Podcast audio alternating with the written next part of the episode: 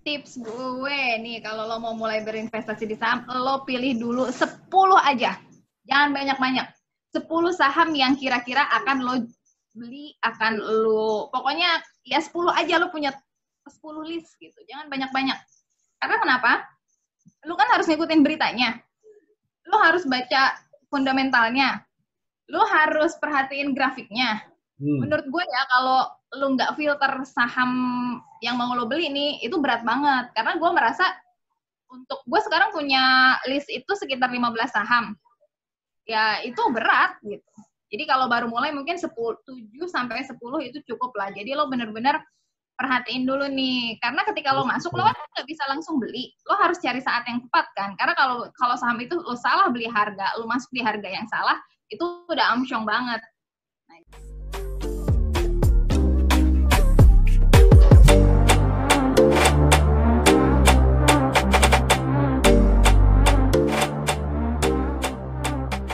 Yes, balik lagi bareng gua Rafki Chandra guys. Kita masih di Ngobras Bakwan, ngobrol asik bareng kawan.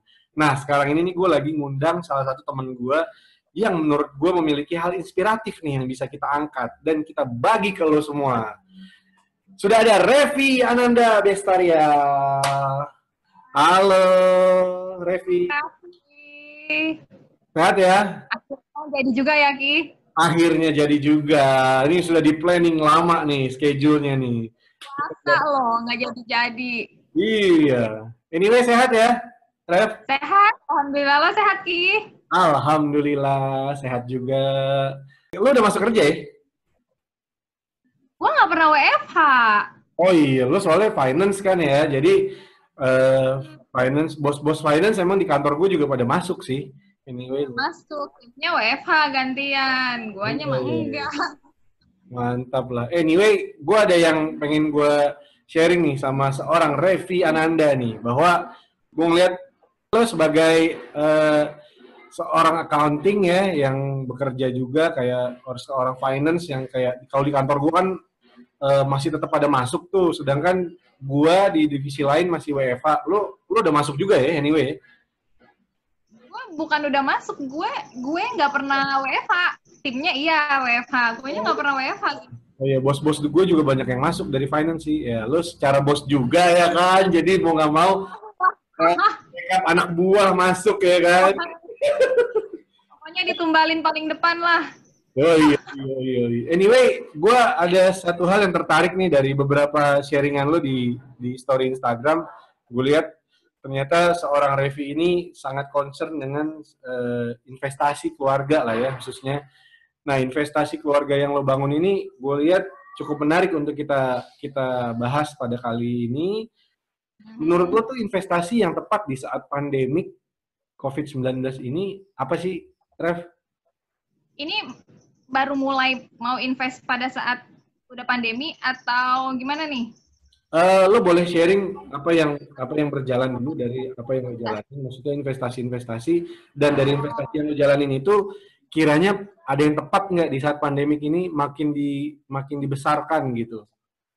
Uh, ya, jadi sejak pandemi ini gue memang merubah kan, merubah pola. Kalau tadinya gue punya depo, punya reksadana, punya saham itu pembagiannya satu banding satu banding satu gitu ya. Gue juga punya emas tapi cuma dalam bentuk perhiasan dan itu nggak banyak. Itu kalau kalau misalkan gue lagi butuh dana darurat, emas itu kan gampang banget ya jualnya, atau lo bisa bawa lari dia ke pegadaian gitu. Jadi gue memang nyimpan emas tapi nggak banyak, itu juga dalam bentuk perhiasan. Tapi gara-gara pandemi ini gue uh, kemarin ngobrol-ngobrol sama Aska, ngobrol-ngobrol sama suami gitu kan, terus kita melihat banyak banget kan uh, ya efeknya lah. Pertama pengeluaran kita juga makin besar karena kita harus support imun kita kan. Nah, kita nggak bisa lagi nih kayak dulu-dulu gitu kan. Hmm. Kalau dulu gue jujur nih gue jarang banget yang namanya minum vitamin, terus asupan juga gue ya udah semua gue aja makan. Jadi memang pengeluaran kita tambah besar nih semenjak pandemi ini. Terus yang kedua pemasukan juga lumayan berkurang. Gue memang sama Aska kan masih punya gaji tetap nih. Yes. Cuma Aska kan PNS ya. Hmm. Nah, lu tahu kan tuh nggak ada nih dinas-dinas nih pandemi, boro-boro dinas kan. Tambahan berkurang ya? Ada. Rapat, boro-boro rapat. Masuk aja gantian ya kan, uang rapat nggak ada. uang dinas nggak ada terus uh, honor-honor dari proyek-proyek juga kan itu itu lumayan banget selama ini tuh itu buat gue sama Aska tuh itu lumayan banget dari situ. Nah, ini kan juga kan proyek pada slow down. Jadi otomatis berkurang lah nih penghasilan yang dari situ-situ tuh berkurang. Di saat pendapatan kita berkurang, pendapatan di luar gaji tetap ya kita berkurang, kemudian malah pengeluaran kita naik. Akhirnya gue mereview nih kemarin selama ini kan kalau kita naruh depo nih Ki ya, gue naruh depo itu kan uang bunga tuh nggak pernah gue pakai. Ya, maksudnya ya. Depo Boleh nih kan. Iya, uang bunga tuh riba. Uh, ya kalau gue menganut uang bunga itu nggak boleh dipakai karena itu riba gitu. Oke, okay, oke. Okay. Naruh duit di situ biar nggak dipakai aja gitu. Dan kalau misalkan memang ada dana, ya itu berfungsi sebagai dana darurat atau memang ada kebutuhan yang yang lebih hmm. besar gitu ya di mana gue nggak bisa gadein emas karena nominalnya nggak cukup gitu misalkan itu tadinya tujuannya itu nah tapi uh, sekarang kemarin gue udah mereview tuh kita nggak bisa nih gitu kita nggak bisa nih kalau nggak ada passive income karena income kita sudah berkurang gitu nah ini gimana nih kalau duit depo ini kita tarik aja gitu jadi kita nggak nggak sebesar uh, yang kemarin-kemarin lagi ini gimana nih kalau kita tarik nih duit depo terus mau dipindahin ke mana dia bilang gitu kan uh, itu kan udah yang paling aman. Tapi gue bilang, toh dari situ kita juga cuma nyimpen, nggak dapat apa-apa. Memang kita dapat bunga, tapi kan itu riba. Kita nggak pakai gitu bunganya selama ini kita nggak pernah pakai. Oke. Okay. Ya, kamu mau mau pindahin ke mana? Kata dia, kamu mau mau taruh di mana? Gue bilang, uh, kita pindahin aja nih dari depo yang misalnya 10 ini kita sisain 5, dua setengah kita masukin ke saham, dua setengah kita masukin ke reksadana. Oh. Karena kan saham itu kan kemarin saham tuh kan habis diblok ya, bursa tuh habis diblok banget. Ada ada turun tuh. Iya, turun banget tuh kan kemarin bursa itu di bawah 4.500. Nah, uh, eh, gue bilang ini kemarin habis turun belum naik tinggi ini. Gue bilang memang kita sudah ribuan udah naik gitu, tapi belum naik tinggi, masih banyak banget harga saham uh, apa saham-saham yang harganya tuh masih under value. kata dia, uh, mau ditaruh ke situ, mau dipindahin ke situ, saham apa yang masih under value. Nah, itu kan gue mengeluarkan deh tuh datanya. Ini loh saham kayak gue lihat tuh PGAS, Adikarya, ITMG ini masih masih bisa nih kalau kita masuk sekarang. Mereka belum terlalu naik tinggi. Oke. Okay. Itu juga berharap kan dari situ kita bisa kalau dalam sebulan dia udah naik, kita bisa dapat passive income dari situ. Lumayan nih, ini kan kalau passive income dari saham kita bisa pakai, nggak kayak bunga depo yang kita nggak bisa pakai. Setelah discuss, discuss, discuss, terus akhirnya ya udah. Ya udahlah, setujulah dia kan. Ya udah pindahin deh separuh dari depo ke saham. Terus sama ke reksadana. Reksadana mungkin uh, nggak akan setajam saham ya naiknya, karena gue juga pilih reksadananya pasti yang syariah. Nah, itu uh, sekarang gue masih dalam proses mereview nih, mereview reksadana yang gue punya, masih gue review lagi apakah tetap akan di situ atau uh, mau gue switch ke yang lain. Iya. Karena memang kinerja reksadana juga ada beberapa yang jelek gitu, ada beberapa yang jelek yang kayaknya memang harus gue ganti, gue review gitu. Tapi so far sih uh, kita berdua lebih agree-nya tuh kebanyakan ya udah taruh di saham gitu. Oh, jadi lo memang udah udah mempelajari juga ya bahwa investasi dalam bentuk yang uh, saham ini contohnya misalkan kayak lo bikin apa lo lo mencari tahu bahwa company-company ini atau uh, financial statementnya gimana yang kayak gitu-gitu ya sehat oh. Juga itu lo harus udah cek dulu ya itu yang pertama ya. Sebelum lo iya, invest ya, lo cek dulu. Pokoknya fundamentalnya dulu ki. Gue nggak berani beli oh. saham yang abal-abal. Fundamentalnya harus yang bagus. Oke, dan dari situ baru kelihatan tuh lo udah invest, ada growth, dan di saham itu growth-nya tuh fluktuatifnya cepet ya? Uh, fluktuatifnya kalau lagi masa sekarang iya, uh, tapi cepat atau enggaknya tergantung si saham itu sendiri. Ada kayak Unilever, ya tau lah ya bagaimana Unilever itu sih terbilang stabil. Yang fluktuatif tuh kayak PGAS itu yang punya PGN ya itu lumayan naik turunnya.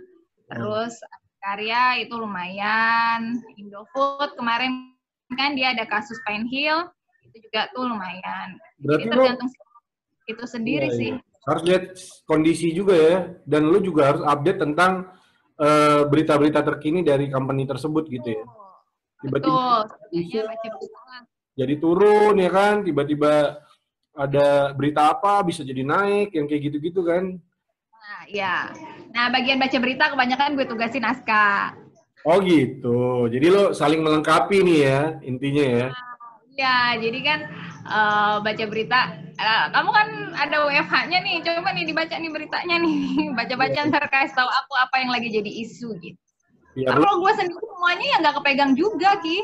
iya, iya, iya. Biar lo bisa nentuin juga ya arahnya ke mana gitu. Mau pindahin atau mau jual, mau beli, mau apa kayak gitu-gitu ya.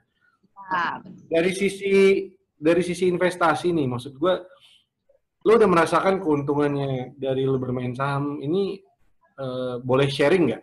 Sebesar apa sih memang eh, orang bisa bisa eh, yakin dan dan mau gitu terjun untuk investasi di saham? Karena honestly gue gue masih mempelajari aja sih, belum pernah terjun nih. Jadi gue masih masih di tengah-tengah antara iya dan tidaknya gitu untuk investasi. galau ya. Masih galau. Masih galau, bener. Nah, eh, jadi gini Ki, kalau di saham itu, menurut gue ya dunia saham itu keras, dunia saham itu kejam. Jadi kita nggak har nggak cuma harus punya ilmu, punya basic atau setidaknya kita nggak cuma oh gue tahu nih tentang saham ini karena gue sudah baca. Nggak cuma itu, tapi kita juga punya harus manajemen eh, harus punya manajemen psikologi yang bagus gitu. Kita juga harus bisa sabar, melatih ego, melatih. Maintain ego ya. Nah, jangan ngikutin ego. Iya. Karena gue pernah tahun 2000 berapa ya, gue tuh mulai main saham tuh dari SM, dari kuliah. Wow. Oke. Gue mulai main saham dari kuliah dulu gue bohongin bokap gue ki soal bayaran kuliah. Biar gue punya modal buat beli saham. Lo, lo minjem duit, lo minta duit buat apa? Eh, lo mainin saham ya? gue bilang nilai gue jelek, gue harus SP, harus semester pendek. Oh gitu. Tapi duitnya gue beli saham, gue inget banget dulu gue beli sahamnya jasa marga. Dan itu tuh dulu kita nggak pakai platform online. Jadi gue harus telepon nih ke dia- dulu kebetulan gue punya teman yang kerja di eh, Dana Reksa. Jadi dulu gue pakai Dana Reksa. Jadi gue harus telepon ke dia. Eh ini lagi turun nih, eh, jualin apa beli ya. Eh ini lagi naik nih, eh, jualin gitu. Dan dulu gue tuh teman-teman kampus gue tau lah gitu. Gue memang menggeluti itu dari dulu. Ada pojok bursa di Trisakti di Iya, iya. fakultas gue lihat dari situ. Tapi cara dapat duitnya dulu nggak bener. Gue bilang aduh nilai aku jelek nih gitu. Gila, gila, gila. Di pramuka nih. Tapi sampai sampai memang itu akhirnya akhirnya menguntungkan, lo bagi nggak tuh ke bokap lo? ya sekarang kan ya udah kalau ini kan ya nih pak buat beli makan enak. Nih papa mau makan apa? Ya kan ada adanya juga kan buat Bener. menebus rasa wah gila dulu gue bohong nih bilang nilai gue jelek. Om, anaknya dimaafin ya Om. terus gue mau nyari duit ke mana kan? Masih semester berapa? Gue semester 7 apa ya? Kalau nggak salah gue mau nyari duit ke mana nih? Apa semester 6 gitu gue lupa. Gimana nih ya caranya dapat duit ya? Ngumpulin duit jajan juga nggak boleh. Dulu saham tuh satu lot tuh masih 500 lembar. Kalau sekarang kan udah 100 lembar nih jadi lebih affordable harganya Oh, dulu harus beli 500 lembar. Gue udah nggak punya ide lagi kan mau cari ke mana? Udah lah ngumpulin orang tua aja lah. Iya bener bener bener ya tapi eh, itu jangan ditiru ya cara itu ya guys. Jangan ditiru yang ngebohongin orang tua dengan cara itu. Tapi ketika lo punya duit eh, yang duit halal yang lo punya untuk lo puterin di investasi ya itu silahkan aja gitu. Nah iya. kalau nah, biar gue bisa ini step awal gue nih. Kan nih kita tadi eh, lo lebih banyak mencondongkan untuk investasi di saham saat ini. Untuk Hmm. orang sebagai orang awam untuk memulai nih berinvestasi di saham tips lo apa nih? Tips gue nih kalau lo mau mulai berinvestasi di saham lo pilih dulu 10 aja. Jangan banyak-banyak. 10 saham yang kira-kira akan lo beli akan lo pokoknya ya 10 aja lo punya 10 list gitu. Jangan banyak-banyak karena kenapa? Lo kan harus ngikutin beritanya. Lo harus baca fundamentalnya. Lo harus perhatiin grafiknya. Hmm. menurut gue ya kalau lu nggak filter saham yang mau lo beli nih itu berat banget. Karena gue merasa untuk gue sekarang punya list itu sekitar 15 saham. Ya itu berat gitu. Jadi kalau baru mulai mungkin 10, 7 sampai 10 itu cukup lah. Jadi lo bener-bener perhatiin dulu nih. Karena ketika lo masuk lo kan nggak bisa langsung beli. Lo harus cari saat yang tepat kan. Karena kalau kalau saham itu lo salah beli harga lo masuk di harga yang salah itu udah amsyong banget. Nah jadi itu lo punya list lo misalkan 7 sampai ya taruhlah 7 atau 10 saham nih lo udah punya nih duitnya lo udah buka akun sekuritasnya lo udah siap banget dana lo udah ada di virtual account sekuritas itu ya. berarti itu grafiknya dari saham lo itu 10 saham grafiknya, kapan dia turun, kapan dia lagi koreksi, lo lihat historinya setahun ke belakang. Nah, tapi uh, ada lagi yang harus diperhatiin tuh, lo mau nyimpan berapa lama? Oh, itu poin itu tuh ya? Iya, lo mau nyimpan berapa lama, lo mau uh, setiap bulan rutin atau enggak naroknya, terus uh, lo pengen dipakai buat apa?